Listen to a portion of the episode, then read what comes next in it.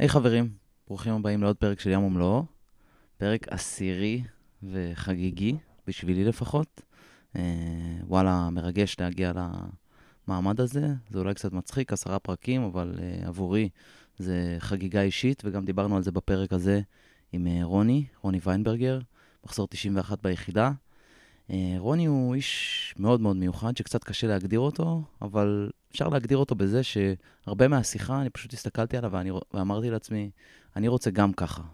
אני רוצה גם לדעת, לראות את העולם כמו שהוא רואה ולהצליח לעשות את זה, ולאו דווקא מדובר על דברים חומריים או, או דברים שהם ברמה, בצד הזה של החיים, אלא יותר דברים בתחום הרוח, בתחום המנטלי, באופן חשיבה שלו, יש לו אופן חשיבה סופר עצמאי מול העולם, סקרן, לומד. רוני הוא מסוג האנשים שמסתכלים לך בעיניים ואתה קולט שהם רואים שם משהו קצת יותר עמוק בפנים, וזה לפעמים טיפה מפחיד, אבל uh, לפעמים זה גם מרתק. אפילו הצלחנו לעשות איזה סשן קצר, סשן טיפולי קצר תוך כדי. Uh, דיברנו על uh, תקשורת מקרבת, יחסים, יחסים בין אישיים, עולם העבודה, עצמאות, סקרנות, באמת, פרק וואו, אני נהניתי בצורה מטורפת, אני מקווה שגם אתם. אה, זהו, תהנו.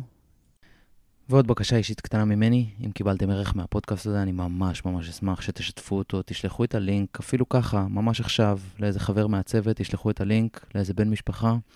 תעשו subscribe לעמוד שלנו, גם ביוטיוב, גם באפליקציות הפודקאסטים, זה ממש ממש יעזור לפודקאסט לצמוח ולהגיע לעוד אנשים, כמובן, אם אתם מקבלים ערך.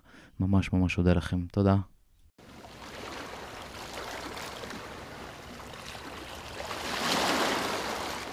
עכשיו עושים clap, כמו בסרטים.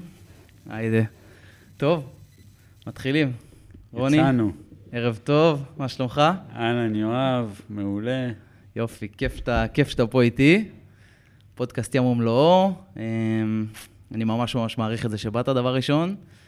נתחיל uh, כראוי לפרק איתך, נתחיל בשיתוף. אוקיי. Okay. שהתחלתי את ה... אתה יודע, שהתחלתי את הפודקאסט וזה, חיפשתי המלצות, חיפשתי מרואיינים, והשם שלך כל הזמן עלה.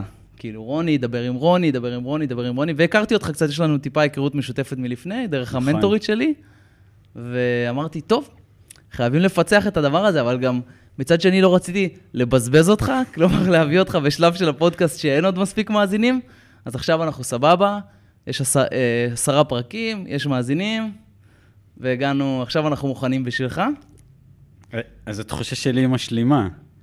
ראיינת את עמי איילון, ואורחים כאלה מכובדים וזה, אני אומר, רגע, מה עכשיו? היית מביא אותי פרק ראשון, שני, גומר את זה. ו... כן. אז אה, בסדר, אבל אתה פה, אתה פה איתנו.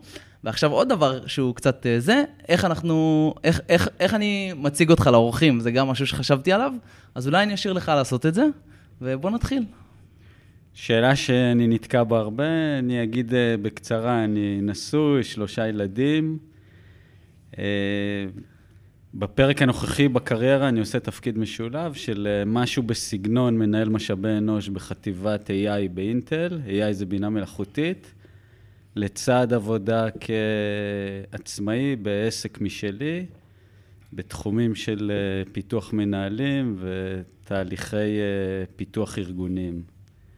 אה, ואני כותב גם בלוג כבר עשור בערך, mm-hmm. בתחומים של מערכות יחסים. מערכות יחסים, תקשורת. תקשורת. אוקיי, נהדר, נהדר. טוב, אז אנחנו, אני רוצה בגדול, מה שאני מכוון לעשות בפודקאסט הזה, זה באמת להביא אנשים שיש להם, אה, א', שהם עשו דרך מעניינת, בסדר? שהיא לא טריוויאלית, והדרך שלך, אנחנו תכף נדבר, כאילו נשמע את הסיפור שלך ותוך כדי זה נדבר על הדרך. אה, שבעצם דרך, הדרך, דרך הסיפור של הדרך נוכל לקבל תובנות משמעותיות, ואולי נוכל לעשות להם כאילו אפליקציה בחיים האישיים שלנו. מעולה. אה, וגם לדבר כאילו על תכנים מקצועיים שבהם אתה עוסק, ודרכם כמובן אה, לשאוב תובנות, אז כאילו אולי נשמע ככה על הטרנזישן הזה שעשית מהיחידה, שירות ביחידה כקצין, אה, לוחם והכול, לאינטל, ומשם ככה איך מצאת את ה... אתה יודע, את הנישה שלך המאוד okay. אוקיי. מאוד מיוחדת. אה, אז אחרי השחרור שירתתי כמה שנים בקבע, השתחררתי פסיכומטרי, טיול בדרום אמריקה כמה חודשים, והתחלתי ללמוד בטכניון, למדתי תעשייה וניהול, הנדסת תעשייה וניהול. שנתיים ראשונות התפרנסתי ככדורגלן. נכון, שמעתי אותך מספר. את זה, זה מדהים. אה, איזה תפקיד? סתם מעניין. קשר אחורי, בלם קדמי. אוקיי. איפה שצריך כושר אה, גופני וקשיחות ופחות אה, מוח. כישורים, כן. כן. אה, ואז אמרתי, יאללה, נתחיל לעבוד בעבודה כבר, אה, נפתח את הקריירה, והתקבלתי לאינטל כסטודנט. אפשר להגיד שהשנים הראשונות היו אה, תפקידים מקצועיים בתחום של ניתוח מערכות וניהול פרויקטים. אה, לאחר כמה שנים התחלתי פרק שהוא נמשך עד היום של ניהול, קבוצות מקומיות ובינלאומיות, הכל באינטל. ולפני כעשור החלטתי שאני מפסיק להתפתח בכיוונים אה, טכניים וניהוליים, ומתפתח יותר לכיוונים אה, של משאבי אנוש במהות שלהם, פיתוח אנשים, פיתוח אה, מנהלים. מה- וזה- מה גרם לך כאילו לעשות את השיפט הזה? כאילו פתאום, למה לא לעבור ל... לאור- לאורך כל השנים, לצד העבודה שלי, עשיתי כל מיני דברים נחמדים, למדתי המון, היבטים שקשורים למודעות רגשית, לתקשורת, למערכות יחסים, אה, ולאט לאט התחשק לי להביא את זה גם לדיי ג'וב שלי, שזה החלק העיקרי של מה שאני עושה.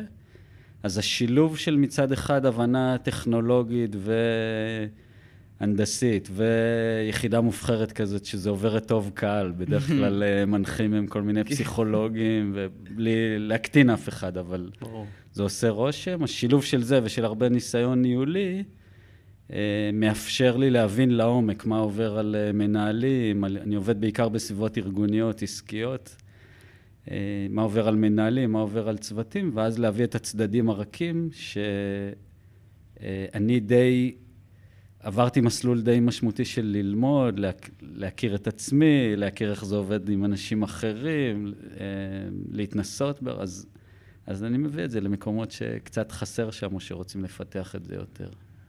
ו- ובעצם העבודה שלך היום היא, כלומר, או שזה...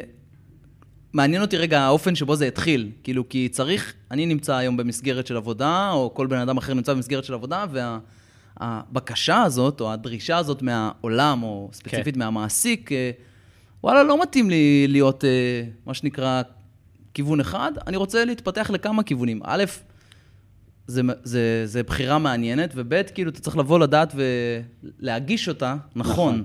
א- א- איך אתה... איך עשית את זה אז ואיך אתה ממליץ לעשות את זה היום? כי גם העולם קצת השתנה. כן. אני אגיד שבתור התחלה, היו כמה שנים אה, משמעותיות של אה, התבשלות פנימית שלי עם עצמי. זאת אומרת, עוד לפני שאני מביא את זה לארגון שאני חלק ממנו, או לעולם, אני עובר את השינוי בעצמי. לומד, זה מחויבות, לומד, שם כסף, שעות אחר הצהריים, ילדות קטנות, ואז אני מרגיש שאני מביא את השינוי הזה ל... קודם כל לאיך שנגיד המודעות הרגשית שלי לעצמי, התקשורת שלי שקצת אה, משתנה, היכולת להסתכל על דברים בצורה אחרת, לשחרר קצת את החמש אצבעות האלה שאנחנו כל כך...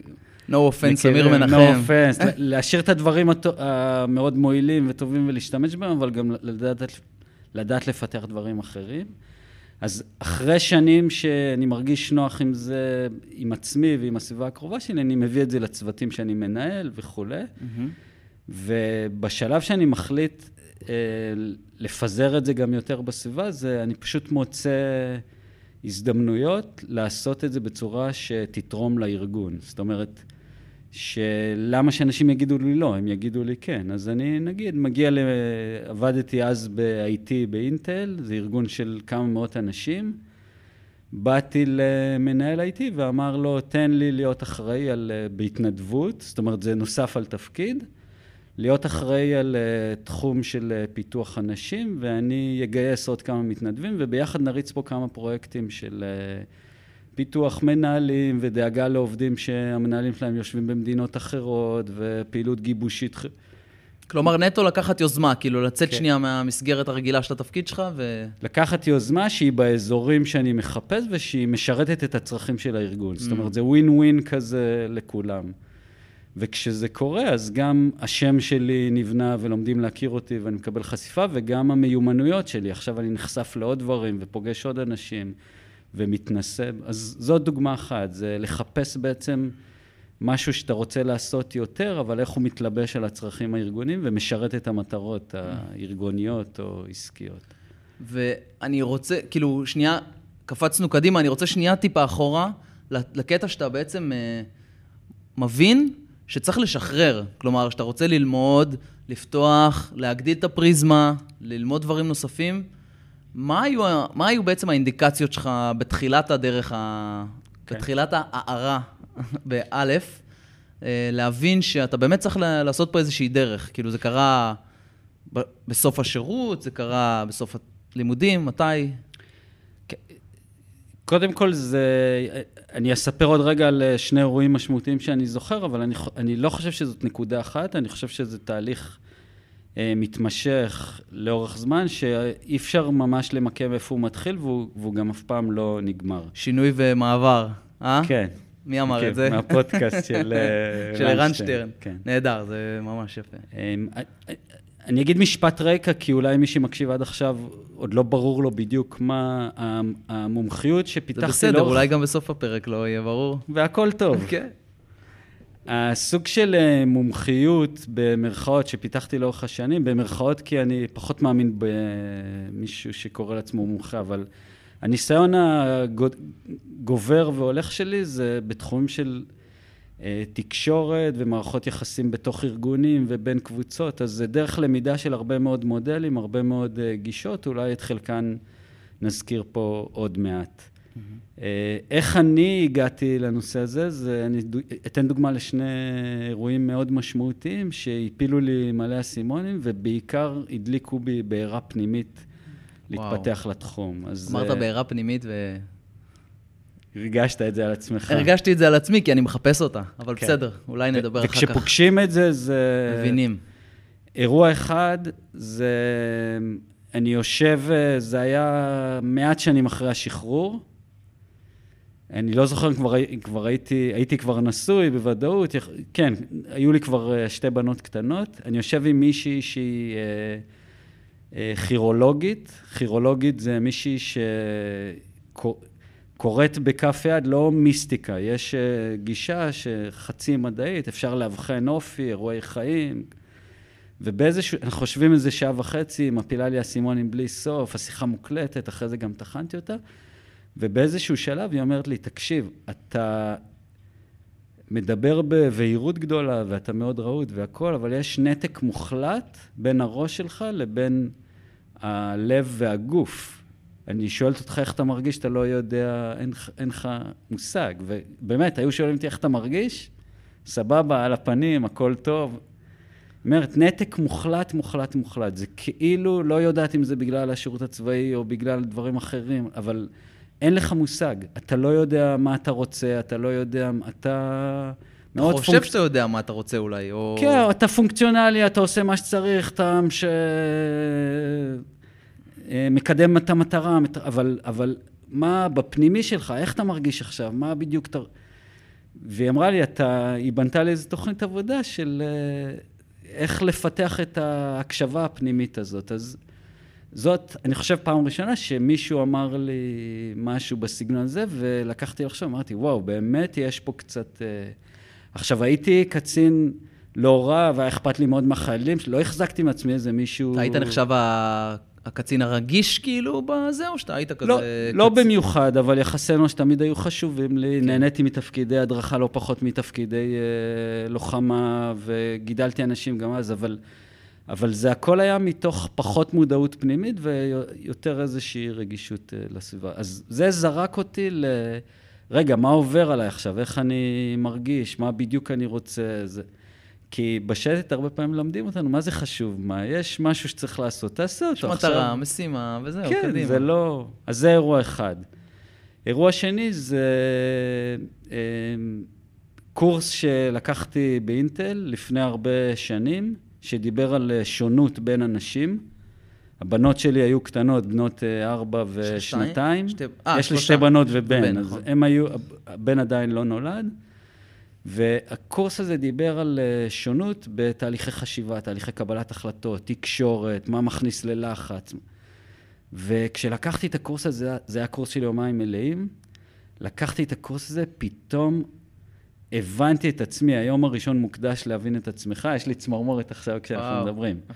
היום הראשון מוקדש להבין יותר את עצמך, והיום השני מוקדש ל... להבין הבנה יותר מעמיקה של אחרים שהם בסגנונות אה, שונים. אז קודם כל, לעצמי הבנתי מלא דברים, אבל הדבר הכי חזק שהיה לי שם, זה הבנתי שאני מאמלל את הבנות שלי.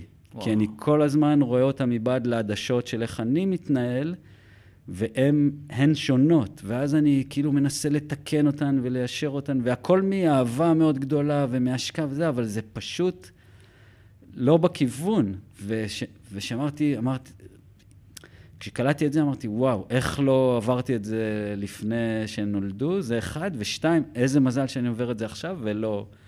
ואז כל כך התלהבתי, אמרתי, כדי שההתלהבות לא תתפוגג, אני הולך להיות מדריך של הקורס הזה, ואני אעביר את הקורס הזה גם למלא אנשים וואו. באינטל. אז זה אלה, ממש הזמנת מציאות, כאילו זה... אלה שתי דוגמאות, וישבתי עם המנהלת שלי ואמרתי לה, תני לי לעבור הכשרה כמדריך, הייתי צריך לטוס לארצות הברית, ועברתי הכשרה כמדריך, והתשלום שלי חזרה יהיה שאני פשוט אעשה את זה שוב, נוסף על תפקיד, יעביר את זה להרבה מאוד אנשים באינטל. אז אלה שני, שני אירועים, שכל אחד מהם פתח דלת קצת אחרת, אבל זה בסוף מסתובב באותם אזורים כן. של, של הבנה אנושית מעמיקה, של תקשורת, מערכות יחסים. איזה כיף שיש ארגון שיכול לתת לך את הגג הזה, כאילו, את החופש הזה. נכון, לגמרי. ה... קרדיט גדול פה לאינטל. ואני אדגיש, זה לא רק... עובד שם היום 20 אה, ומשהו שנה, לא? במונחים של... 23 אה, שנה, אני לא... לא סופר. אני לא מרגיש בין 23, אבל... אה, אז קרדיט גדול לאינטל, אבל אני אגיד שגם לכל אורך הדרך, תמיד למדתי דברים בחוץ ונחשפתי לעוד שיטות ותהליכים וזה, זאת אומרת... Okay. אוקיי. גם אם יש אנשים ששומעים, מקשיבים עכשיו, והם עובדים בארגון יותר יש קטן. יש איזה שניים. או, השניים שמקשיבים עכשיו ועובדים בארגון יותר קטן, או שזה לא מתאפשר, או ש... אז, אז שזה לא ירפא את ידיהם, כי, כי יש בסוף, במיוחד היום, יש אין סוף אפשרויות, תמיד אפשר ללמוד, תמיד אפשר להגיע לאות... אז אם זה מספיק חשוב, אפשר אה, כן. לייצר את זה. אני מנסה שנייה, ל... כאילו, לזקק. א', אולי תיתן לנו שנייה את ה... את ה... פיץ' כזה של איך מבקשים את זה באמת נכון, בצורה נכונה, כאילו כש, כדי שהארגון באמת, אה, כלומר, זה, זה ממש חלק מתקשורת, כאילו, כי אמרת, אני, יש הת, התבטאויות שלך בתקשורת מקרבת, שבעצם אתה צריך להחזיק את הצרכים של כולם, כן. נכון? גם של הארגון וגם שלך. והדבר השני, עדיין לא, לא מדויק לי מספיק על איך אתה מבין שצריך להרחיב את הפריזמה, כאילו שצריך ללמוד דברים חדשים. אה, לך זה היה אולי עם הבנות שלך, או שאתה... אבל עדיין, זה עדיין מצריך איזושהי הסתכלות מהצד, וזה לא כל כך טריוויאלי להסתכל על עצמך מהצד. איך, יש לך כלים אולי שכן לקבל את הנקודת מבט הזאת על עצמך? אני לא יודע, זו שאלה מצוינת, אני לא יודע אם זה הגיע כאיזשהו תהליך קוגניטיבי של בוא נסתכל על הצד, נראה מה חסר לי ונשלים את זה, זה יותר איזו מכה רגשית כזאת. Mm. שהיא בדרך כלל נוגעת במקומות שכואבים לנו בחיים, או נגיד אה, תקיעות במערכת יחסים, או משהו שאתה נפתח לך ואז אתה אומר... אצלי לפחות, בשני מצבים האלה ובעוד כמה מצבים שאני זוכר, זה לא היה תהליך שכלתני שאומר, אני צריך א', ב', ג' כדי להגיע למקום אחר או לבנות תשתית. גם כאלה עברתי, אבל האירועים המשמעותיים זה יותר... אתה חווה משהו, נתקל, הרבה פעמים זה היו פגישות אקראיות, מה שסיפרתי עכשיו זה חצי אקראי, ואתה אומר, וואו, ואז או שאתה מאוד מתלהב, או שלפעמים זה גם נוגע בנקודה מאוד כואבת, ואתה אומר, עכשיו אני מבין mm. איזה נכות מסוימת שיש לי במרכאות, או איזה חוסר, ואני רוצה ללמוד כדי להשלים את זה. לפעמים וכש... צריך איזה מישהו, סליחה שאני קוטע, לפעמים צריך, כלומר, אני יודע, אני יכול לשתף מעצמי, ש... בוא נגיד, תחילת התהליך הנוכחי שאני עובר, התחיל ב- לפני משהו כמו חצי שנה או קצת יותר, שאשתי הייתה בקורס, אה, שסיפרתי לך מקודם, בקורס של פריצות דרך אצל מישהי בשם מעיין בן ציון, שהיא נהדרת, והייתה לקראת סיום הקורס, ועמד להתחיל עוד מחזור, ואני הייתי בתקופה לא כל כך טובה, גם איזושהי תקיעות רגשית, ולא ממש ברור מה קורה לי. כאילו, היה לי ברור מה קורה לי, אבל לא הייתי מספיק חזק כדי, אתה יודע איך זה. לשתף. כן, לשתף ול, ולשתף את עצמי גם. להודות בפני, כן, להכיר להודות בזה. בפני עצמי, והיא אמרה לי, שומע, מחר מתחיל קורס של מעיין. הקורס הזה הוא מדהים, והייתי כבר כזה, אמרתי, די האמנתי תכלס שלא יהיה מקום בקורס למחרת, אז אמרתי לה, יאללה, תרשמי אותי. ואז נרשמתי, ובאמת, הקורס פשוט משקף לך מלא, הוא משקף לך את האוטומטים שלך ואת ה... כלומר, לפעמים צריך גם מזל שיהיה לך איזה significant other, איזה בן זוג בחיים ש... שייתן ייתן פוש. לך כן. את הפוש הזה, כן, זה גם מאוד חשוב. וגם במה שאתה מתאר, אני מניח, אני בודק איתך, זה כשנכנסת, לא י... ידעת בגדול מה הכיוון, אבל לא, לא היה לך מושג מה בדיוק יהיה שם, אבל ברגע שהתחייבת, לת... אני התחייבתי לתהליך למידה מסוים, לא משנה אם זה לחודשיים או לשנה, כשאתה במסלול כזה, הסיק... הס- יש הרבה מאוד uh, סיכוי, וההסתברות היא מאוד גדולה, שיקרו שם כל מיני דברים, שלאו דווקא צפית אותם מראש, אבל שהם יקפיצו כל מיני ויפתחו אותך, כן. ואז אז הכנסת את עצמך למסלול, ואז דברים... אה, כן, ואז דברים מתחילים לזוז באמת, והקורס הזה נקרא פריצות דרך, וגם על, על, על בסיסו כאילו החלטתי להתחיל את הפודקאסט, ואתה יודע, גם כשאני מדבר איתך וגם כשאני מדבר עם רואיינים אחרים, תוך כדי אני קולט שאין בעצם פריצת דרך, יש תהליך.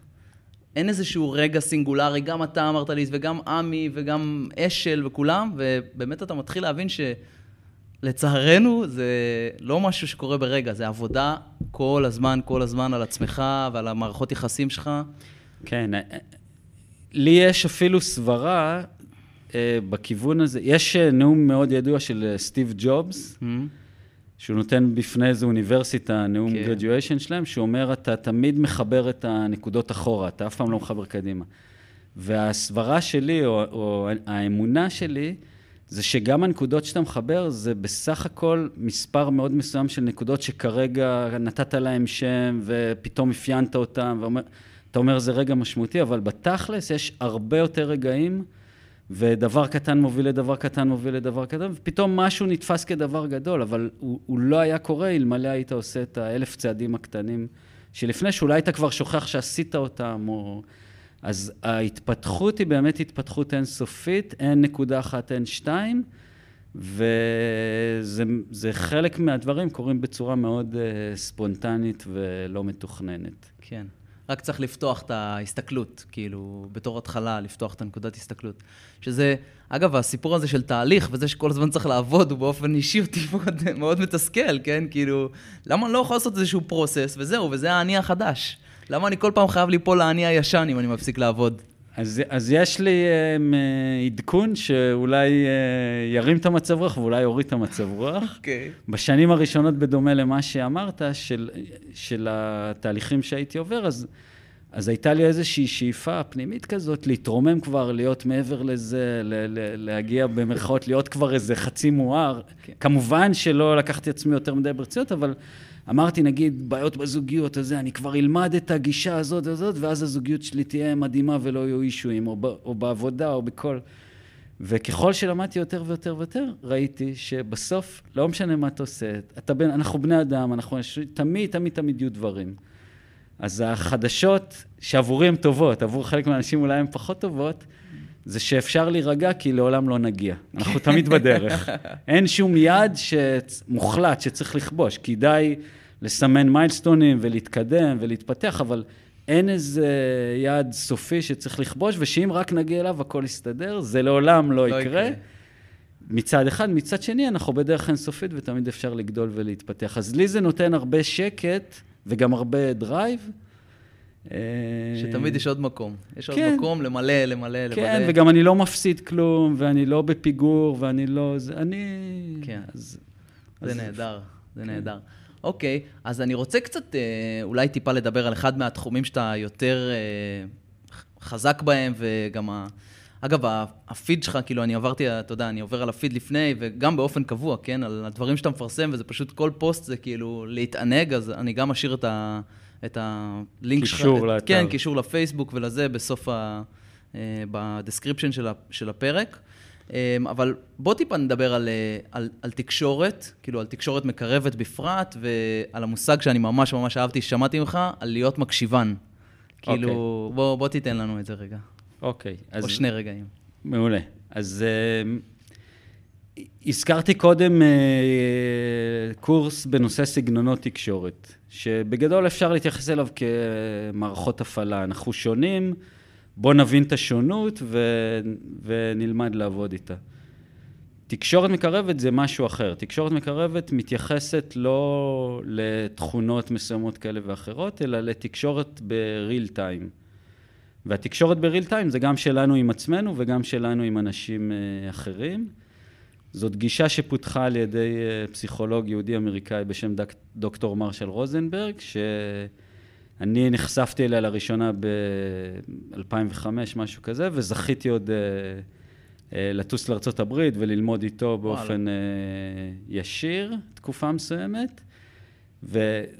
אנקדוטה מאוד מאוד אה, מעניינת, הגישה הזאת שינתה לי ממש את החיים, היום אני חי בדרך שהיא מאוד ברוח של תקשורת מקרבת, משתדל.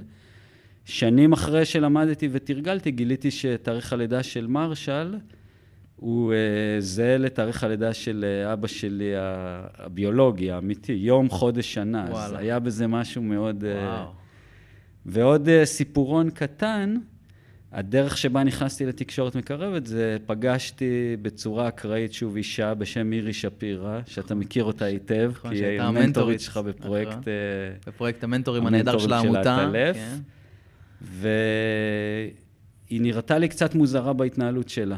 היינו באיזה מסגרת התנדבותית, והיא דיברה בצורה מוזרה קצת, כאילו מאוד נמשכתי אליה, לא משיכה רומנטית, קלטתי שיש שם משהו. וביקשתי לשבת איתה לקפה, לשמוע קצת מה היא, במה היא מתעסקת, מה היא עושה. קבענו לשבוע, שבועיים אחרי זה בכפר המכבייה, היא עבדה שם uh, באותו יום, אמרה בואו נשב ש... uh, בבוקר, ובראש עשיתי חשבון שאני פוגש אותה בשמונה בבוקר לקפה, ובתשע אני כבר באינטל פתח תקווה מתחיל יום עבודה. ואז היא מתחילה לספר, אני אומר לה, אוקיי, מה, מי את, במה את עובדת, מה? אז היא אומרת, אני עוסקת בגישה שנקראת תקשורת לא אלימה, שזה השם נכון, השני של כן. תקשורת מקרבת. אה, בלב אמרתי, אני לא בן אדם אלים, לא מעניין, מעניין מה עוד היא עושה. ואז היא התחילה לספר לי קצת מה זה אומר, והיא מנהלת בית ספר ברוח הזה, ואיזה חזון יש לה. וכשהיא התחילה לדבר, כל כך התרגשתי, הייתי צריך לעצור את הדמעות שלי, וואו. שלא יפרצו מתוך התרגשות, לא רציתי להתייפח. עכשיו, אני אפילו לא ידעתי למה, אבל זה נגע לי שם כנראה באיזה משהו מאוד עמוק. אה, אחרי שעה סיימנו, התחלתי לנסוע חזרה לעבודה, ואז אמרתי, אני לא יכול לעבוד היום.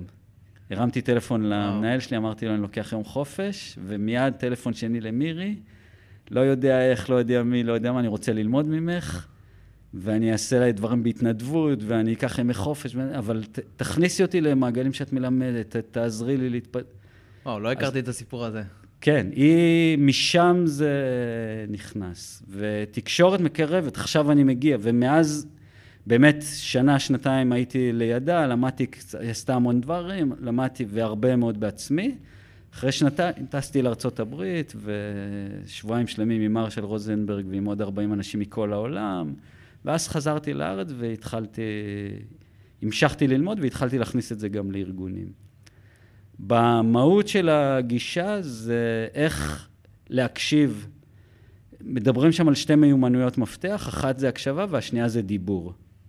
הקשבה זה איך להיות מסוגלים להקשיב גם לעצמנו וגם לאנשים אחרים, לא רק למילים, גם למה שבין המילים. Mm. למשל, בן אדם יכול להרים עלינו את הקול, בן זוג, ילד, ילדה, עמית בעבודה, מה, מה...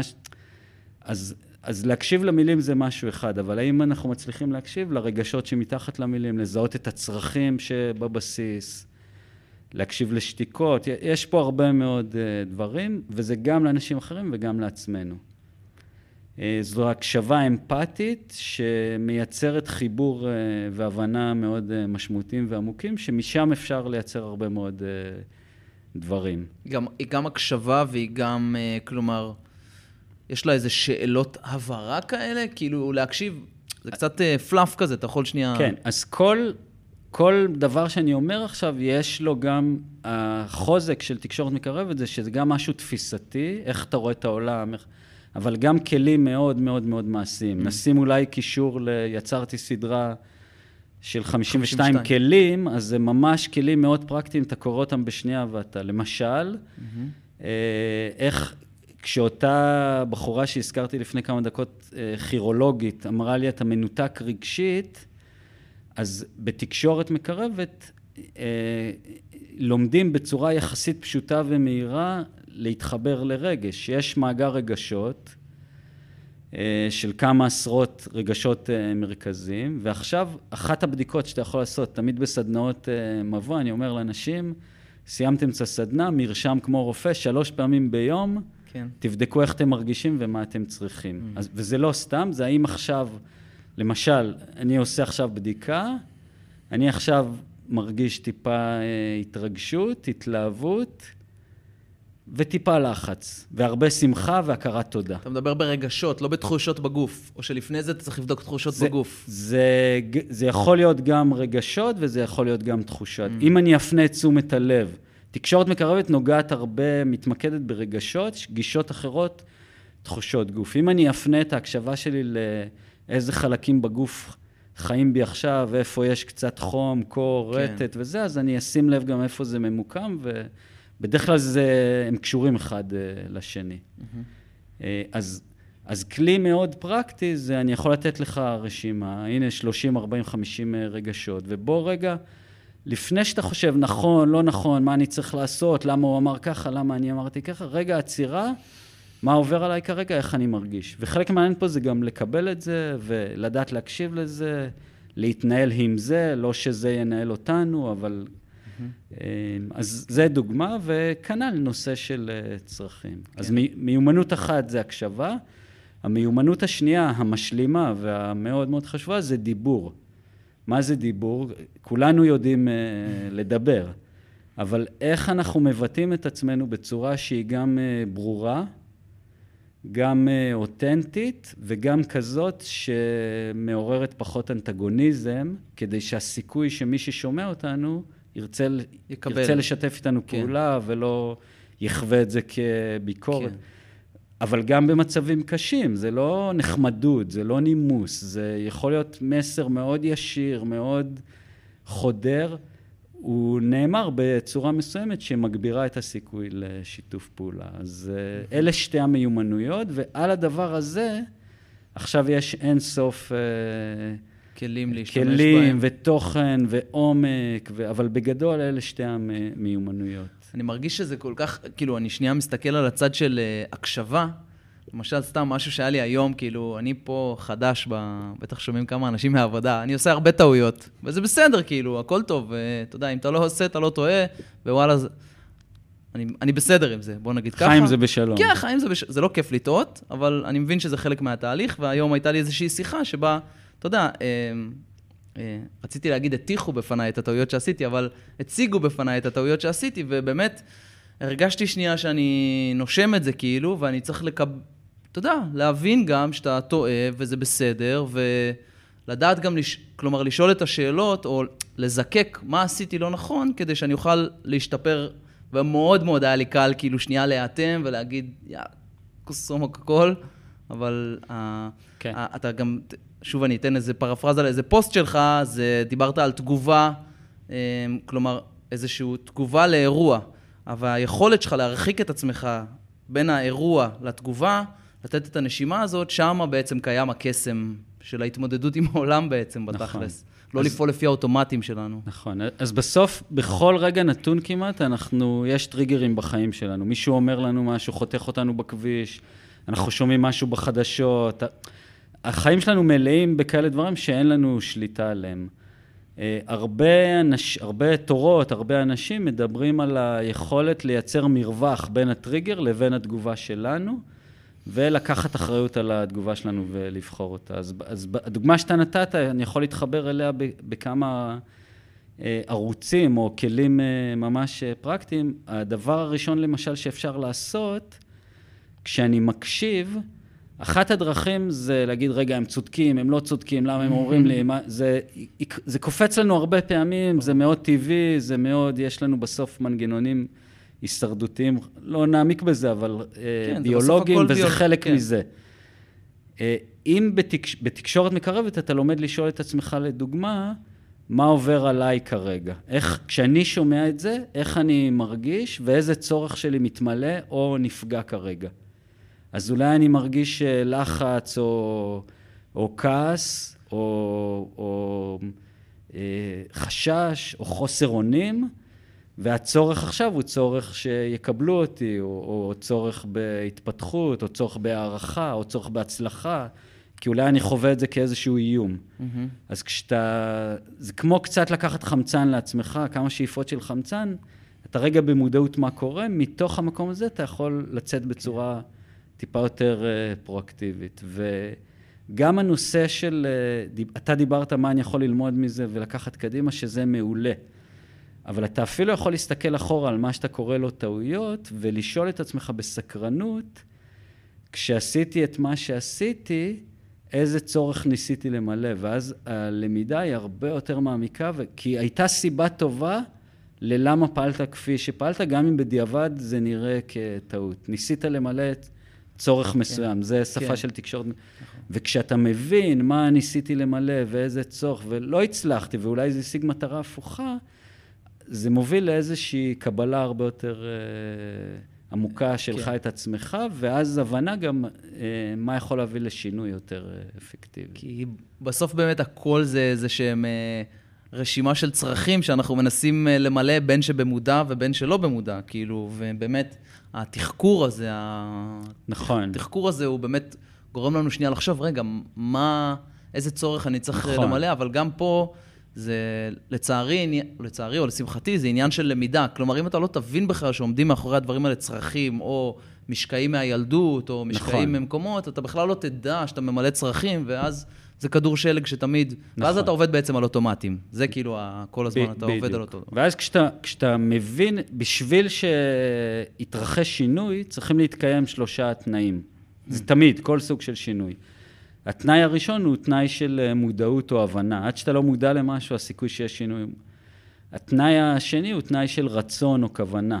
זאת אומרת, אני יכול להיות מודע לזה שאני מדבר בצורה מסוימת, ואני אגיד, זה מה יש, ככה אני, לא בא לי לשנות את זה. אם אני אדבר אחרת, ידרכו עליי, אה, אה, כן. זה, זה יעלה לי ביוקר, לא, אני רוצה להמשיך, אז אם, אני, אם אין לי רצון לשנות, שינוי לא יקרה. אם יש לי רצון לשנות ויש לי מודעות, עשיתי שני שליש דרך, עכשיו נשאר החלק הקטן לעשות. של לעשות, של ליישם. אבל זה השליש הגדול. הוא, הוא השליש ה, ה, הגדול בתרגול וביישום, וזו דרך אינסופית, אבל באמת, ברגע שיש מודעות ורצון וכוונה, זה כבר... אה, אז בוא שנייה, אם אמרת רגע תרגול ולעשות ועשייה אינסופית, אני רוצה לקחת, ללכת לשני מקומות שאתה עושה ומרשימים אותי כאילו בקטע, בקטע שזה מעורר בי קנאה, אבל בסדר, תכף אפשר לדבר על אה, למה. העובדה שיש לך יכולת להתמיד במשהו אחד, תכף אולי אתה תספר את הדוגמאות, להתמיד במשהו אחד בצורה גם, כלומר, כמעט אה, דתית, ו... וזה פשוט מעורר השראה, תספר כאילו אולי על שני הדברים, גם על הפרויקט של הפוסט ביום וגם על המדיטציה שעשית.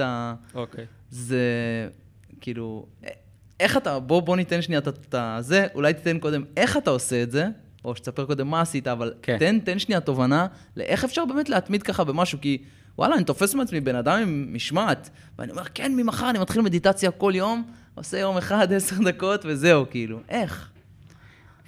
אז אני, דיברנו לפני זה, אז אני רק אזכיר מה שני כן. הדברים שאתה מתייחס אליהם, ואז אני אגיד איך זה משרת אותי, או, או, או מה אני עושה בכדי שזה יצליח. אה, אני כותב בלוג אה, כבר אה, קרוב לעשר שנים, בדרך כלל זה כל שבוע, ימי שישי, ולפני כמה שנים התחשק לי לכתוב ברמה יומית. עכשיו, לפני כל פוסט שאני מעלה, זה סדר גודל של שעתיים עבודה, משהו, זה, אי אפשר לעשות את זה ברמה יומית. אז אמרתי שאם אני עושה את זה ברמה יומית, זה צריך להיות גג רבע שעה, עשרים דקות עבודה, לא כן, יותר. זרם תודעה כזה, או... זה, או- זה על נושא מסוים שקשור לתקשורת, מערכות יחסים, ניהול. Mm. ואתה מה- מחליט על הנושא מראש, או ככה, מה ש... ברמה יומית, ברמה יומית עכשיו, מראש. למה רציתי לעשות את זה? זה שירת אצלי מטרה. אמרתי, מצד אחד, זה מאוד יחדד לי את המודעות. זה נושא שאני רוצה להתפתח פה, אז אומרים, כשאתה רוצה ללמוד משהו, הדרך הכי טובה זה ללמד אותו, כי אז אתה, אין לך ברירה, אלא... כן.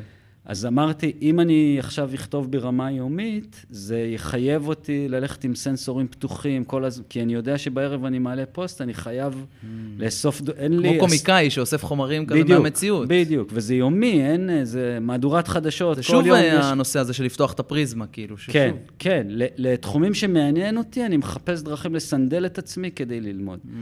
הדבר השני שקיוויתי להשיג פה, אמרתי, אני לא רוצה ליטוש, אני רוצה לעלות גם עם פוסט שהוא לא הכי מדהים בעולם, הוא לא מושלם, הוא... לא- שיהיה בינוני. זה, זה משרת אצלי גמישות, קצת יותר ספונטניות, קצת יותר זרימה שרציתי לפתח. Mm. מכאן נולדה המחשבה של בוא נעשה פוסט יומי. אגב, הרעיון היה השראה מאדם בשם סט גודין. אה, יש לו את אחד הבלוגים המוכרים בעולם, בן אדם מאוד יצירתי, שהוא כותב פוסט יומי כבר לדעתי 20 שנים, והוא אומר שזאת ההחלטה שהשפיעה על החיים שלו יותר מכל החלטה אחרת. וואו. אז. אני שמעתי את זה לפני הרבה שנים, הזרע נזרע, חשבתי, חשבתי, חשבתי, הלכתי, חזרתי, ואחרי כמה שנים אמרתי, אני מנסה את זה בעצמי, וכשלקחתי את ההחלטה וגם הכרזתי עליה בקול רם כדי, שוב, לסנדל להתחייב, את עצמי, כן. אז ממש ממש לא הייתי בטוח שאני יכול uh, לעמוד בזה, אבל זה היה איזשהו אתגר. אז זאת דוגמה אחת, ואז במשך שנה שלמה, כל יום uh, פוסט שעלה גם באתר שהרמתי לטובת הדבר הזה, וגם, uh, וגם uh, בפייסבוק. וה, והדוגמה השנייה, זה, זה לפני שבעה, שישה או שבעה חודשים התחלתי תרגול מדיטציה יומי. גם פה זה התחייבות ל-20 דקות ביום. יש חשק, אין חשק, לא משנה. כן. והסיבה, אבל זה לא סתם, זה כי רציתי להגביר תשומת לב ומודעות ולתרגל. זה, זאת אומרת, זאת השקעה מאוד מאוד גדולה, אני לא לוקח השקעות כאלה על כל דבר, אז אני שומר אותם למקרים מיוחדים. כן, כי אתה, הזמן שלך הוא מוגבל, כאילו אתה מתייחס לזמן שלך כמשאב הכי... גם זמן וגם זאת מחויבות מאוד מאוד uh, גדולה. אתה לא רוצה לבזבז את הכוח רצון שלך, את המשאבים שלך, את... יש עוד דברים חשובים כן, בחיים. כן, זה ממש משאב מנטלי, כאילו, בסוף כן. זו משימה שאתה צריך לבצע, כן. ואם אתה לא בא אליה באיזשהו... עכשיו, הד- הדרך שבה אני עובד זה מרגע שלקחתי החלטה, אני מכריז עליה בקול רם, כדי, בין אם זה לחברים או, או כן. לקהל של קוראים, עוקבים. אה, ועכשיו אין, זה החמש אצבעות שאנחנו כן יודעים, אז כן, פה אתה נכנס. פה זה שמעתי, אני שומע את הראש השיטתי נכנס לתמונה. לגמרי, ו, ועכשיו, ה, איך שאני ניגש לזה, זה אם לקחתי התחייבות לשנה שלמה, אני צריך לעשות רק את היום. אוי, נהדר. ומחר, זה וויל רק סמית, את היום. אה, וויל סמית הלבנה. בדיוק, הלבנה של וויל סמית. לבנה אחרי בדיוק. לבנה. רק היום, רק היום, רק היום, כי... אני זוכר בימים הראשונים בשייטת, אנחנו כולנו, מי שמקשיב כנראה עבר... אה, אתה עובר את היום הראשון בעתלית, אתה אומר, בוא'נה, שנתיים כאלה, שנה ושמונה. לא עבר, בקושי עברתי יום אחד, איך אפשר, ל- וזה עוד רק ההתחלה. אז, ההקפצה הראשונה, אתה... אז אם אתה חושב שנה ושמונה קדימה, או מה שזה, זה לא נתפס, אי אפשר לעשות את זה. מצד שני, אני צריך להחזיק מעמד רק עוד יום אחד.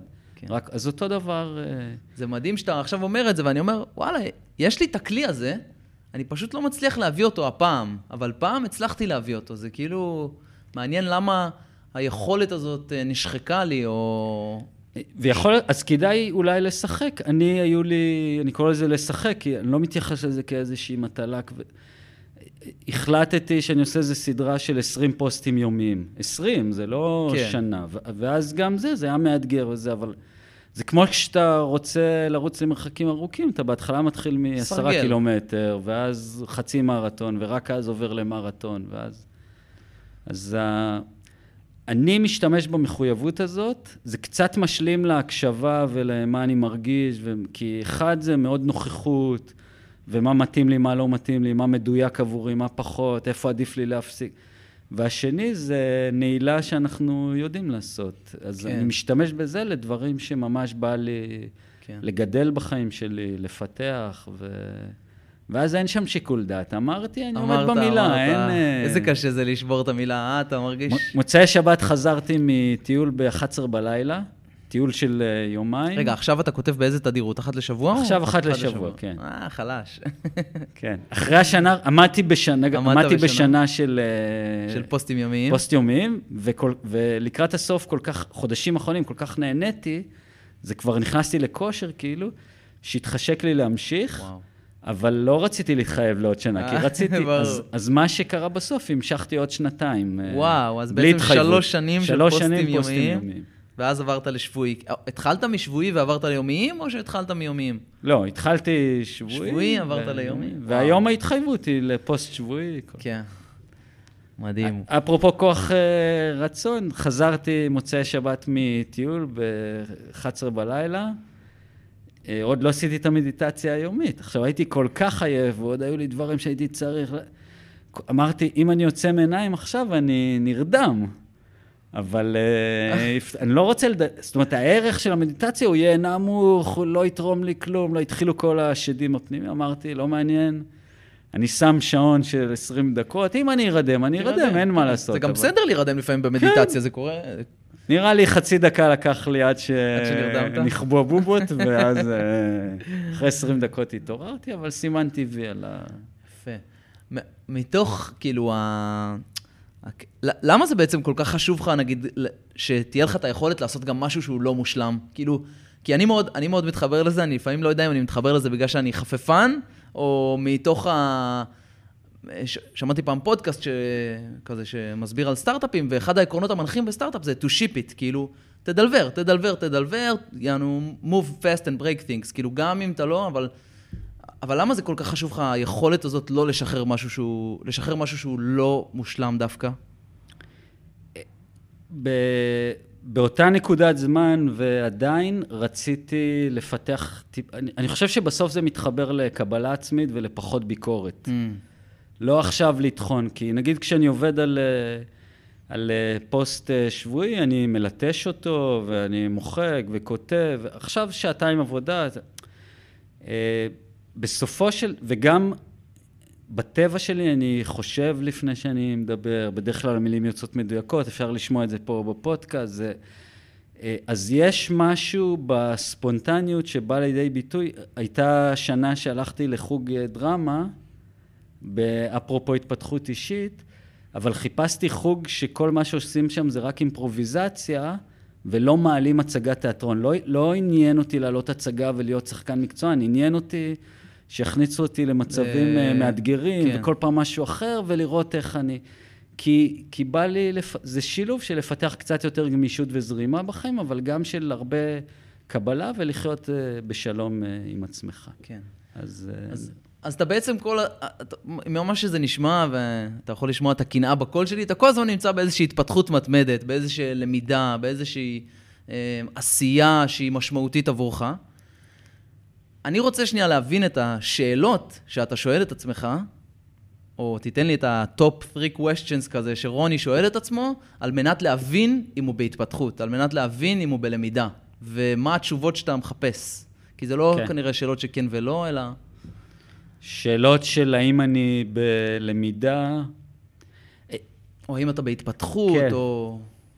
אתה יודע, שאלות אסטרטגיות כאלה שאתה שואל את עצמך. אני, אני, דווקא על הדבר הזה אני לא שואל שאלות, כי אני כל הזמן...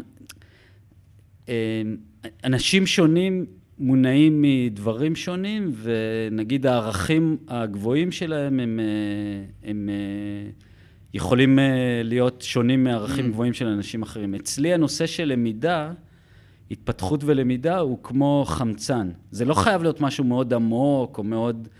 פה נתנו דוגמאות של התפתחות אישית, אבל אני מאוד מאוד מאוד אוהב ללמוד.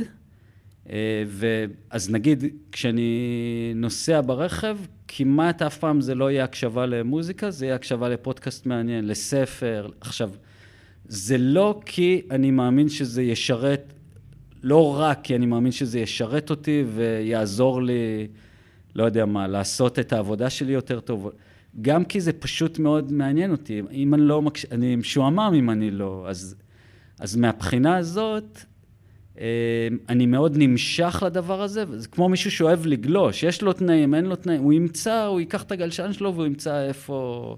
או לעשות ספורט, גם אם זה, הוא יעשה ספורט. אז אצלי זה פשוט משיכה מאוד גדולה. אם אני במצבים, אני מתקשה להיזכר ב... בהרבה מצבים כאלה, אבל אם זה מצבים של אה, פלטו כזה, של אין למידה, אין התפתחות, אין זה, זה מצבים שאני לא... אתה מרגיש כבוי יותר בהם? כן, אני לא אחזיק שם מעמד הרבה זמן, אני אחפש uh, לעשות uh, שינוי. וגם הרבה מעברים בקריירה היו בתקופות כאלה של... אני רוצה כן. להיכנס לזירה חדשה. Uh, אני כן שואל את עצמי שאלות, כל שבוע, לפעמים כל יום, של, אה, של סגירת יום כאלה. זה Mm. חלק מרפלקציה של... אה, אז אה, קצת למשל... חוזר ליחידה, כזה תחקיר קצת, בלי העונשים אבל. בלי העונשים, וג- וגם שהמהות שלו היא לאו דווקא למי- למידה והתפתחות, היא יותר נוכחות וחיים. אז למשל, שלוש שאלות שאני מאוד אוהב לשאול את עצמי, שמגבירות גם את, ה, גם את הקשב הפנימי, אבל גם את, ה, את תחושת, תחושת החיים. לא, אין לי מילה אחרת. זה, אה, זה גם דברים מתקשורת מקרבת שהכנסתי ככה, הטמעתי. שאלה אחת זה... למי ועל מה אני מכיר תודה היום. וזה לא, וזה יכול להיות גם על דברים, זה לא אה, על המשפחה שלי, אבל לא תמיד אותם דברים גנריים כלליים. מהמם. זה דברים יכולים להיות הכי קטנים, הכי אנקדוטליים, הכי זה, פשוט במהלך היום אנחנו רצים, אין לנו זמן, אנחנו לא רואים את זה, זה שקוף לנו. כשאני עוצר ושואל את זה, פתאום אני יכול למלא עמוד שלם בדברים. אז זאת שאלה אחת. לא, על מה אתה על מה אתה מכיר תודה? שאלה כן, ראשונה. כן. אוקיי. שאלה שנייה... כי זה- רגע, שנייה, אני... כי מה ההוקרת תודה הזאת, למה ההוקרת תודה היא משמעותית? כאילו, כי מה, אתה מעריך את מה שיש לך? ב- ביום נתון, אלף אנשים עושים לך מחוות לא טריוויאליות, שבדרך כלל או שאתה לא רואה אותם, או שאתה לוקח אותם כמובן מאליו, או שאתה... וכשאתה עוצר לראות את זה, אז, אז, אה, אז פתאום זה, הרבה, זה כן. כן. נכנס, אתה הרבה יותר שמח, אתה מרגיש הרבה יותר חיבור אליהם, אתה... אז זה אנשים, אבל גם לתנאים שיש לנו, לזה ש... לא יודע... שיש לך את האפשרות. הבן שיש לך- שלי הוציא ציון יפה במבחן בחשבון אחרי שעזרתי לו ללמוד. זה, זה הכרת תודה על זה שיכולתי לבוא אתמול מוקדם מהעבודה ולשבת איתו, ושהוא היה פתוח, ואיזה יופי שהוא חווה הצלחה, ושזה מחזק את הקשר בינינו. Mm-hmm. זה כאילו הדבר לכאורה טריוויאלי, טריוויאלי, אבל, אבל- ברגע שאני מסמן אותו, ראיתי אותו, הוא, הוא כבר שלי. Mm-hmm. אם אני... הכרת תודה, מישהו אמר לי פעם, זה כמו צ'ק, שאתה... את, אם לא הכנסת אותו לבנק, הוא לא שווה... Mm. לא הפקדת אותו, הוא לא שווה כלום. ברגע שאתה מפקיד אותו, אז הוא שווה. אז קורים מלא דברים שאנחנו יכולים להכיר עליהם תודה. רק כשאנחנו רואים אותם ומסמנים אותם, אז אנחנו גם חווים ומרגישים את זה. זה ממש כמו הדוגמה של אה, קרמה, אם אתה מכיר את ההרצאה של מייקל אה, גשר רוץ' אולי במקרה, שהוא הקים איזושהי, לא משנה, הוא היה במנזר טיבטי איזה 25 שנה ופה ושם, וכשהוא מדבר על קרמה, יש לזה כמה שלבים, כאילו לעשות משהו עבור מישהו אחר וכולי, אבל בסופו של דבר הוא אומר, אם אתם לא, לפני שאתם הולכים לישון, תחשבו על הדבר, לא זרעתם את הזרע של הקרמה. בדיוק, כאילו, בדיוק. זה הדבר אני- האחרון. אני מאוד מאמין. כי זה בדיוק. באמת להכניס את זה פנימה חזרה לתודעה, כי אחרת אתה... זה הלך. וזה משנה מיידית את, ה... את האנרגיה שלך, את ה mindset, את התחושה, זה, זה מרים ומוריד אותך מאוד. אז, אז שאלה אחת זה הכרת uh, תודה. שאלה שנייה זה מה אני חוגג היום. חוגג זה uh, ביטוי, מונח בתקשורת מקרבת. חוגג זה מה אני שמח שעשיתי, על מה אני גאה, מה, איפה הצלחתי, מה... וזה יכול להיות דברים, אה, שוב, קטנים וגדולים, אבל בכל יום יש לנו הרבה סיבות ל, כן. לחגיגות. והשאלה השלישית... דוגמה זה, לחגיגה, אה, היה לי מספיק זמן לעשות ספורט הבוקר. כן. זה חגיגה? או- אה, התמדתי בעוד יום של של, מדיטציה. מדיטציה. מדיטציה. אוקיי. אה, אני חוגג את זה שהייתה לי שיחה טובה עם אה, אשתי היום. אני חוגג את זה שעובד ניגש אליי עם בעיה, והייתי קשוב אליו, והוא יצא בתחושה יותר טובה מהמפגש, כי הייתי שם עבורו ונתתי לו חצי פתרון. כאילו, אין סוף, באמת, אין סוף. כן. אז זה, זה לא הכרת תודה, זה חגיגה על משהו שהצלחתי, עשיתי, שאני גאה בו, שאני שבע רצון, שאני... כן. והשאלה השלישית, שהיא מאוד מאוד חשובה, הטרמינולוגיה של הטיפה מבהילה, זה על מה אני מתאבל. אבל זה יותר נגיד איפה היה לי קשה, או מה לא הצלחתי, מה אולי לא מה הצלחתי. נכשלתי. אולי להיכשל. גם משהו, אולי אמרתי משהו שאני לא יכול להחזיר אותו אחורה. אמרתי איזה משפט שאני מצטער עליו, ועכשיו הוא מייצר איזו שרשרת שאני לא רוצה, אז אני אצטרך עכשיו להתאמץ כדי לנקות. ול... אז על מה אני מתאבל זה גם מאוד מאוד אה, חשוב, כי כולנו בני אדם, אז, אז זה לא רק הצד, אני פחות מאמין רק בצד של הפסיכולוגיה החיובית, לראות ורוד, משקפה.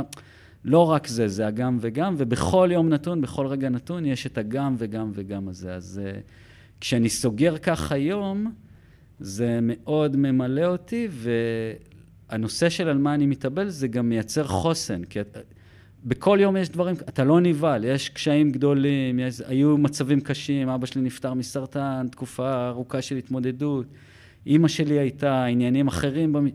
זה על מה אני מתאבל, על, על קשיים, על דברים, על התמודדויות, אבל בכל יום יש כן. כן. דבר כזה. אבל אתה מרגיש שזה בחירה על מה... כלומר, הרי בסוף זה... לכל אחד יש איזשהו ספקטרום כזה, פה זה חגיגה, פה זה אבל. אז זה עניין, הרי אין פה משהו אבסולוטי, מה זה חגיגה ומה זה אבל. כאילו, כל אחד מוצא את החגיגות האישיות שלו ואת ההבלים, לא יודע כן, אם לא, זו אבל, מילה. אבל זה מאוד ברור מה, כאילו, אתה שמח שקרה ומה לא. Mm. כן יש פה היבט של אה, פתיחות, אם נגיד, הנה דוגמה למה זה תקשורת עם אה, מנהלים. שלושת רבעי מהמנהלים, אם אני אשאל אותם ממה אתה פוחד או ממה אתה חושש, מה הם יגידו לי? שיחה קשה עם עובד, או... מכלום. אה, מכלום. כי המילה פחד היא מרתיעה אותם. כן. כן. מצד שני, אם אני אשאל אותו, מה מטריד אותך, או מה מעסיק אותך, או אה, מה כאילו מנקר לך במחשבות, תפרוט לך מלא מלא. אז הוא יגיד לי את הדבר הזה. אבל האמת היא שאם אם ניקח את מה שאמרת, שיחה קשה עם עובד, הוא חושש מזה. גם אם הוא לא קורא לזה חושש או פוחד, הוא חושש כן. מזה. אז, אז אבל זה לתת מקום לדברים האלה בעצמנו, ש... מה היה לך קשה? כלום. ברור. מה אתה... אה, וואלה, עברנו את הגיל של... אה, לא יודע שאנחנו מה. אז חזקים וגיבורים. כן. בדיוק. אז כשאתה נותן לזה מקום, זה, זה עיבוד בריא של אה, רגשות, של תחושות, שאתה יכול לתרום, לתרומם ממנו ול, ולצמוח ממנו. אז... אה, מגניב. אז קצת, כאילו, אם נגעת במנהלים ועובדים וזה, אה, מאזינים לנו גם, אה, מן הסתם, הרבה חבר'ה שהם אה, בתחילת הקריירה שלהם, והם ככה מנסים, אתה יודע, גם לגשש את הדרך שלהם, כאילו, לראות מה נכון להם ו- ומה פחות נכון להם. כאילו, איך אתה רואה את ה... כי אתה בסוף אמרת שאתה עושה תפקיד שהוא סוג של משאבי אנוש, כאילו, כן. מה, מה, מה אתה רואה שבאמת מתפתח בעולם הזה עכשיו של... אתה יודע, המקום של העובד במקום העבודה שלו, והחופש והעצמאות שהוא יכול לתת לעצמו או לא יכול לתת לעצמו, אולי תיתן לנו על זה. אני... זה... יש פה, אתה יודע, אין. סוף דברים אה, להגיד, גם אבל אני הקורונה אגיד... נתנה מלא תזוזות באירוע הזה. כן, וגם חוקרים את זה, קריירה בעולם החדש. יש לי אגב ביוטיוב הרצאת קריירה בעולם החדש, רוני ויינברגר, מתוך קריירה. בעולם החדש. אבל אני אגיד כמה דברים קטנים שהם מאוד uh, פרקטיים ומשמעותיים, והם טיימלס, הם uh, כאילו אפשר להשתמש בהם uh, בלי סוף. אחד, אני מאוד מאמין, זה גם לא המצאתי את זה, לקחתי את זה בהשאלה גאה מחומרים שקראתי, שנקודת מפגש בין שלושה מעגלים חשובים היא מקנה בסבירות מאוד מאוד גבוהה התפתחות בריאה וטובה של קריירה לאורך זמן. לא משנה איזה שינויים יהיו, לא משנה. Mm. והשלושת המעגלים האלה זה מעגלים של במה אני טוב, מה היכולות החזקות שלי, הניסיון שלי, ש... דברים שאני כנראה, יש לי בהם יתרון יחסי. זה אחד. שתיים, ממה אני נהנה, מה מרגש אותי, למה אני נמשך. ושלוש, זה אם אנשים עובדים בארגונים, לאיזה צורך ארגוני אני נותן uh, מענה. אם אנשים הם עצמאים, איזה בעיות אני פותר לאנשים. זה, זה בסוף השילוב של מה אני טוב, ממה אני נהנה ולמי אני עוזר, או מה הערך שאני מביא לעולם, בכאילו טיפה יותר רחבה, זה שילוב מאוד מאוד חזק. אם ניקח דוגמה, מנתח לב, Mm. הוא נותן מענה לצורך מאוד מאוד חשוב, לא תהיה חסרה לו עבודה כנראה. כן. אם הוא טוב בעבודה שלו, והוא נהנה ממנה, הס- הסיכוי שהוא ילך ויתפתח וימשיך ללמוד את המחקרים הכי חדשים ולהתנסות בש... הוא, הוא ילך וישגשג. אם אחד מהמעגלים האלה יהיה חסר, אם למשל הוא, הוא מאוד טוב בזה, וכמובן שזה נותן מענה לצורך חשוב, אבל הוא כבר לא נהנה, הוא שחוק, הוא גמור, לאורך זמן... אני מאוד מתחבר לנקודה זה- הזאת. גם, כן. אה, כלומר, אני, אני מוצא את עצמי במקומות, ש, במקומות עבודה שלא נהניתי או לא הרגשתי משמעות או לא הרגשתי אימפקט, שאני פשוט גרוע. אני נהיה פשוט פחות כן. טוב, וזה... אין, כן. זה מיד, זה גרפים שהם... אה, בדיוק. נפ- אתה יודע, הם הולכים בקורלציה הפוכה. אז הב, הבן הקטן שלי, הוא, היום הוא בן 14, בשנים האחרונות הוא עושה יזמות של כל מיני דברים, והוא כל הזמן אומר לי, איך אני יכול להרוויח כסף, איך אני יכול... אז אני כל הזמן אומר לו, אל תגיד לו תחשוב... שאני גם שואל את זה. אני אומר לו, אל תחשוב איך אתה יכול להרוויח כסף, תחשוב איך אתה יכול, לאיזה אנשים אתה יכול לעזור ואיזה בעיות מורכבות וקשות אתה יכול לפתור, ואם תמצא, הכסף יהיה, יבוא. יהיה בסדר. כן. אז, אמ, אז טיפ ראשון זה תחפשו נקודת מפגש של שלושת המעגלים האלה. הרבה פעמים כשאנשים, עובדים שלי או אנשים שמגיעים אליי לייעוץ, אני אומר להם, שיעורי בית ראשונים, לכו תעשו רשימה אחת של במה אתם טובים, רשימה שנייה, אה, ממה אתם נהנים, אל תנסו לחבר ביניהם. ממה אתם נהנים? מ- מספורט, מלדבר עם חברים, מגלישה, מ- מפתרון בעיות. חופשי, תזרקו. פודקאסט, כן. תזרקו, אל תהיו עסוקים. ת- ת- ת- תאירו רגע את המשהו הזה בתוככם ש... שמתרגש. אז כן. זה דבר אחד. דבר שני, החיים הם מאוד דינמיים ומאוד משתנים. אני חושב שסקיל נדרש, מיומנות קריטית, היא מיומנות למידה והתפתחות. בעולם החדש, בעולם במיוחד, החדש. כן. זה אומרים שלהורים שלנו היו בדרך כלל קריירה אחת, אצלנו זה כבר שתיים או שלוש או ארבע. ו... אני כבר בארבע. ארבע, וזה רק ילך ויגבר. ואני באופן אישי, נגיד כרגע, אני, יש לי קריירה משולבת. אני גם שכיר בארגון, אבל יש לי גם עסק עצמאי משלי. אני גם כותב בלוג, אני גם וגם וגם וגם, ומכל דבר אני לוקח דברים אחרים ועושה דברים אחרים. אתה יודע מה המשפט שאמרת בשיחה שדיברנו לפני, והוא פשוט, כאילו משפט כל כך פשוט, אבל הוא שינה לי את הפרספקטיבה ופתח לי רגע איזושהי צ'קרה. אמרת, אני עצמאי, אבל אינטל הוא הלקוח הכי גדול שלי, נכון? נכון. כאילו, זה מדהים. ואז אמרתי, רגע, אני, אני שכיר 100%, כן? אבל אמרתי, וואלה, אני עצמאי, נכון. אבל אה, החברה שאני עובד, הנהדרת והמופלאה, היא הלקוח הכי גדול שלי, חברת סייט. ואני נותן לה 100% מהזמן שלי, אבל טפו טפו, יש לי גם אה, 120%, ואני משתמש גם בהם. לעשות את הפודקאסט, לעשות דברים אחרים. זה, זה שינוי זה תפיסה שינוי תפיסה, מהפכני. אבל מה- הוא פשוט כל כן. כך... והוא- הוא מהפכני, כי כשאנחנו מספרים, אם נגיד אנחנו עובדים, ביר... מי שיזם ועובד בעסקים משלו וזה, הוא לא, הוא לא צריך את זה, אבל יכול להיות שחלק גדול מהאנשים שמקשיבים הם שכירים. זה שנכנסת משכורת כל חודש ושיש לך את ה-job description שלך וזה, סבבה, אבל בסוף אנחנו אחראים על הקריירות שלנו ועל הערך שאנחנו מביאים לעולם. ובשנייה שאני פתחתי עוסק אה, פטור והורדתי קצת אחוזי משרה כדי להיות עצמאי, פתאום נפל לי האסימון הזה. הגעתי לתל אביב איזה יום, אה, פתאום ראיתי בית קפה מלא אנשים, אמרתי, מה קורה בצהריים? לא עובדים פה, לא הייתי קבור בקיוביקים של קורפוריישן. ופתאום אמרתי, רגע, אני, אני לא שכיר ב-80% ועצמאי ב-20%, אני, אני עצמאי ב-100% מהזמן שלי, ופשוט יש לי לקוח גדול שקוראים לו אינטל, שאני מאוד נהנה לתת לו שירותים, ואני יכול להמשיך לפתח את השירותים שאני נותן לו, אבל אני עצמאי. ואם מתישהו זה לא יתאים לי, אני אעזוב. ומצד שני, אם הוא לקוח מאוד חשוב לי, אז אני רוצה להגדיל יותר ויותר ויותר את הערך שאני נותן ללקוח המסוים הזה. שמע, זה פנטסטי איך אה, פתיחה של משהו אחד, הוא פשוט מתחיל להפיל אבני דומינו. לגמרי, זה, זה, זה מדהים, כאילו איך... אה, לגמרי. אה, וואו. מקסימום את הקטע הזה נוריד, כי נקטע לי, נקטע לי קו המחשבה. בוא נעשה תרגול. יאללה, בוא נעשה תרגול. הקשבה, הכל טוב. כן. למרות שאנחנו בפודקאסט, יאללה, שני מדהים. מאזינים יסלחו כן. לנו. חיבור uh, עצמי רגע, Mm. בסדר? קח נשימה, אל תענה תוך שנייה, ת, תחשוב איזה... תנשום ד- איזה. שנייה, שתיים. כאילו, מה עובר עליך עכשיו? איך אתה מרגיש? כן. עכשיו, אני מרגיש, כאילו, אני לחוץ עדיין, תמיד אוקיי. בפודקאסט אני לחוץ. אוקיי. אני תמיד, אתה רואה, אני כל הזמן מסתכל לראות שההקלטה תקינה, שהווידאו אוקיי. תקין וזה. וגם אני אומר, רוב, רוב ה... כאילו, אני מנסה כל הזמן להקשיב למה שאתה אומר, ומצד מצד שני, אני גם כל הזמן אומר, וואו, כאילו, רוני פה. עכשיו זאת ההזדמנות. אני לא מוציא מזה מספיק, ואני כאילו חוזר לנוט שלי, ואני כאילו רואה שעברתי על כל הנקודות, אבל אני, א', אני מרגיש שהוצאנו פה המון ערך, ואני גם, אה, אתה יודע, אני ש- שמעתי את הדברים שרציתי לשמוע, אולי זה גם מסוכן, כי אולי לא שמעתי את הדברים האחרים, אה, אבל בסך הכל אני מרגיש כאילו טוב. אוקיי, אז אתה אומר, מצד אחד יש פה אה, לחץ, כי אני רק יושב פה ומדבר ונהנה, אבל אתה בסוף מנהל את האירוע ואתה מסנכרן פה- פה דברים, ואתה יודע מה האג'נדה שאתה רוצה לעשות, אז יש פה איזשהו לחץ, ומצד שני קצת אה, התרגשות גם.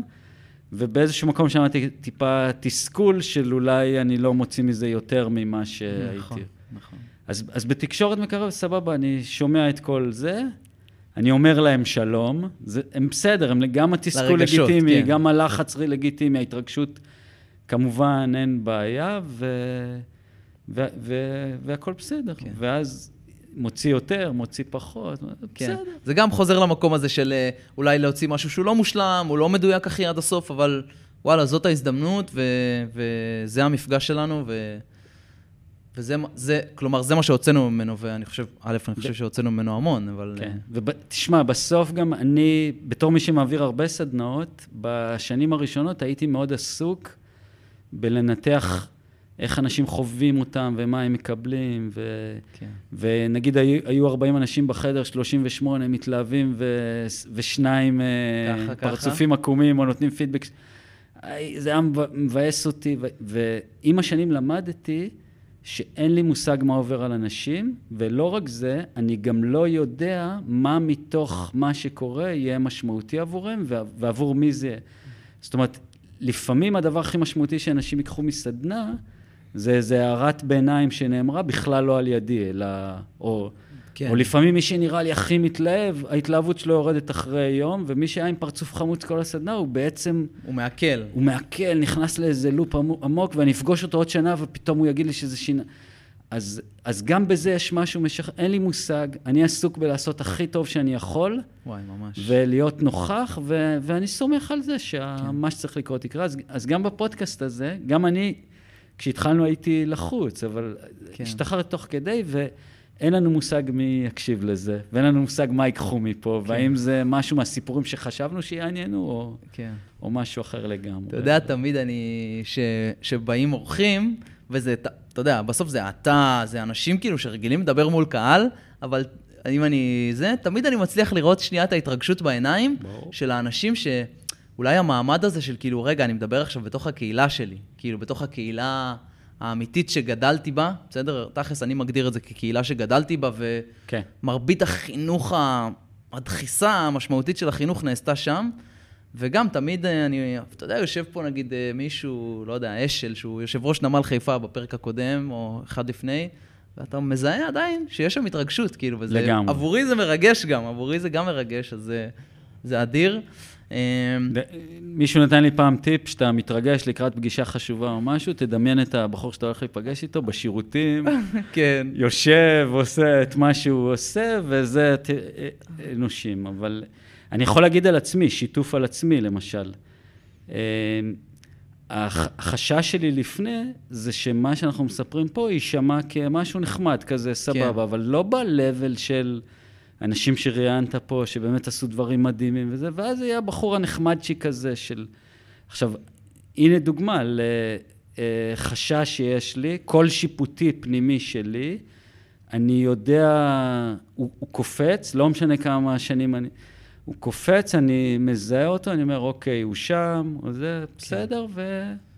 ואני כן. ממשיך בשלי. אז, אה, אז, אז, אז ברור שכל מי שנמצא פה, לא יודע אם כל, אבל שהרבה כן. אנשים יש להם את השדים שלהם ואת החששות אני. יכול להפיק לך את החשש הזה, לדוגמה, כי אם אני לוקח אל הפרק מספר 3 עם יותם דגן, הפסיכולוג, שזה היה אחד הפרקים הכי, א', אחד הפרקים הכי מושמעים, וב', אחד הפרקים שקיבלתי עליהם הכי פידבק, כאילו, אנשים רוצים שנתעסק ברגש, שנתעסק בתקשורת, שנתעסק בזה, אז אה, אני יכול להפיק לך את החשש, וככה עשינו פה איזשהו סשן, אה, סשן קטן אה, של, של, אה, של אה, תקשורת. אה, זהו, אני רוצה שנתחיל ככה להתכנס לסיום. אה, אתה מרגיש היום שאתה חי חיים מלאים? על פי הסיסמה? או שאולי תיתן רגע, אמרנו, דיברנו על חיים מלאים? כן, דיברנו על חיים מלאים. הז- הזכרנו את זה, ב... אני מסיים כל אחד מהפוסטים שלי בחיים מלאים. כן. במשפחה שלי מסתלבטים עליי. אה, האמת שזה, זה, כאילו, זו ברכה שהיא מדהימה, כי היא נתפסת לך. כן, אתה אומר, רגע, מה זה חיים מלאים? מה הוא ב... זה מזיז אותך מהכיסא. כן. אז, אז חיים מלאים זה חיים שיש בהם, זה, בעצם דיברנו על זה בלי להגיד את השם, שיש בהם גם חגיגות וגם אבל, גם שמחות וגם כישלונות וגם הצלחות. זה, זה 12 איזושהי- אלמנטים, לא? או, ש... אה, או שיש קצת יותר? זה תלוי איך אה, סופרים, אבל עשיתי איזושהי עבודה מעניינת בחודשים האחרונים, ובעצם לקחתי את כל הפוסטים שכתבתי בשנים האחרונות, שזה אלפי פוסטים, וניסיתי לסדר אותם לפי אה, נושאים, לפי... ואז ראיתי שהם מתמפים לעשרה, 12 נושאים אה, מרכזיים, שבדיעבד אני מבין שעבורי הם הנושאים שמרכיבים את, ה, את החיים המלאים שלי, או את מה שאני... בואנה, זה מטורף מה. שאתה מספר כרגע, כאילו, זה נשמע כמו, א', זה נשמע כמו עבודה מטורפת, כאילו, אלפי פוסטים, זה נשמע עבודה כן, ל-AI. עש- עשר שנים שחלק מהפוסטים יומיים וחלק מהפוסטים... כן. אה, זה... אוקיי, אז הגעת לשני... ל... אז זה- מספר אה, אלמנטים שלמשל עשייה זה דבר אחד, חגיגה ואבל זה דבר שני, נוכחות והקשבה זה דבר שלישי.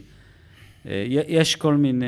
אז, אז בתחושה שלי, או מהניסיון שלי, מההתנסות שלי, אלה מרכיבים שהם ממש אה, נדרשים לחוויה של, אה, של אה, חיים מלאים, והרבה פעמים גם משלימים אחד את השני, ולמשל, חלק מהפוסטים שאני כותב הם פוסטים ברוח של לא לוותר, לעשות, חמש אצבעות, כן. כל מיני... להתמיד. ו- כן. ואז יש אנשים שמאוד אוהבים את הפוסטים האלה והם מגיבים לי בהתלהבות Mm. וזה. חלק מהפוסטים הם בסגנון של אה, רק לשבת עם זה, רק להקשיב, לא לשפוט, לא... ואז יש אנשים שמאוד אוהבים את זה ומגיבים לזה, והרבה פעמים אני שם לב ש... שזה אותם שזה אנשים. שתי, לא, שזה שתי שתי, קבוצות קבוצות, שונות. שהפוסטים מהסוג השני מעצבנים אותם, והפוסטים וואו. מהסוג שלהם, אז, אז אצלי זה ניסיון לשלב את הגם וגם, כן, לפתח... לחיות ב balance עם כל האלמנטים בדיוק, האלה. איזון זה משהו... איזון זה דבר כן, משמעותי בחיים. כן, מינונים, הכל במינונים. בדיוק. יופי, וואו, אז אה, איפה אפשר למצוא אותך? אה, פייסבוק, אה, סדנאות? אה, פייסבוק, אני, אני לא אוהב את הרשת הזאת, אז אני עולה שם להצצה, שולח את הפוסט ה... אה, כמו. פריסקופ של אה, צוללת, שולח ומנתק אה, מגע. יש לי אתר שאפשר להירשם אליו ולקבל את רשימת התפוצה. סגור. נשים את הלינק. כן. NVC, co.il, Non-Violent Communication. וכן, חיפוש ברשת יש, רוני אתה עושה. גם, אה, אתה מקבל אנשים באופן אה, פרטי, או משהו בסגנון הזה, כאילו בקליניקה, או שלא? אה, אין לי קליניקה, אני עושה מעט מאוד ליוויים אישיים, ורוב הליוויים האישיים זה במסגרות ארגוניות שאני כבר עובד עם ההנהלות, אז, אז אני מלווה גם חלק. מהמנהלים והעובדים שם, אבל כ- ליוויים אישיים אה, פחות. יאללה, מדהים. אז מה, טוב, אני חושב שבנימה הזאת נסיים. אני אישית נהניתי ממש, אני אצטרך אה, להקשיב לפרק הזה עוד פעם, כאילו, כדי, אתה יודע, בסוף אני גם צרכן של הפודקאסט הזה, אני מראיין את האנשים, אני רוצה גם לשמוע את התובנות. אה, אני בטוח שהמאזינים שלנו קיבלו המון המון. אה, וזהו, נשאר לי רק להודות לך, אני סופר מעריך את זה. אני- אני, יואב, אני רוצה להגיד תודה רבה על ההזמנה. זה, זה מרגש עבורי להיות כאן, זה לא טריוויאלי. אה, וגם תודה על, על, על פרקים קודמים, הקשבתי לארבעה-חמישה פרקים. אני חושב שיש, באמת, זה פרקים מרתקים, ערך גבוה. קיבלתי הרבה, למדתי, ואני חושב שאתה עושה פה משהו שיש לו הרבה אדוות ו... כן. והרבה השפעות, ו... וסחטיין עליך שהרמת את זה ואתה תענוג, טס עם זה. תענוג גדול. תודה רבה. להתראות.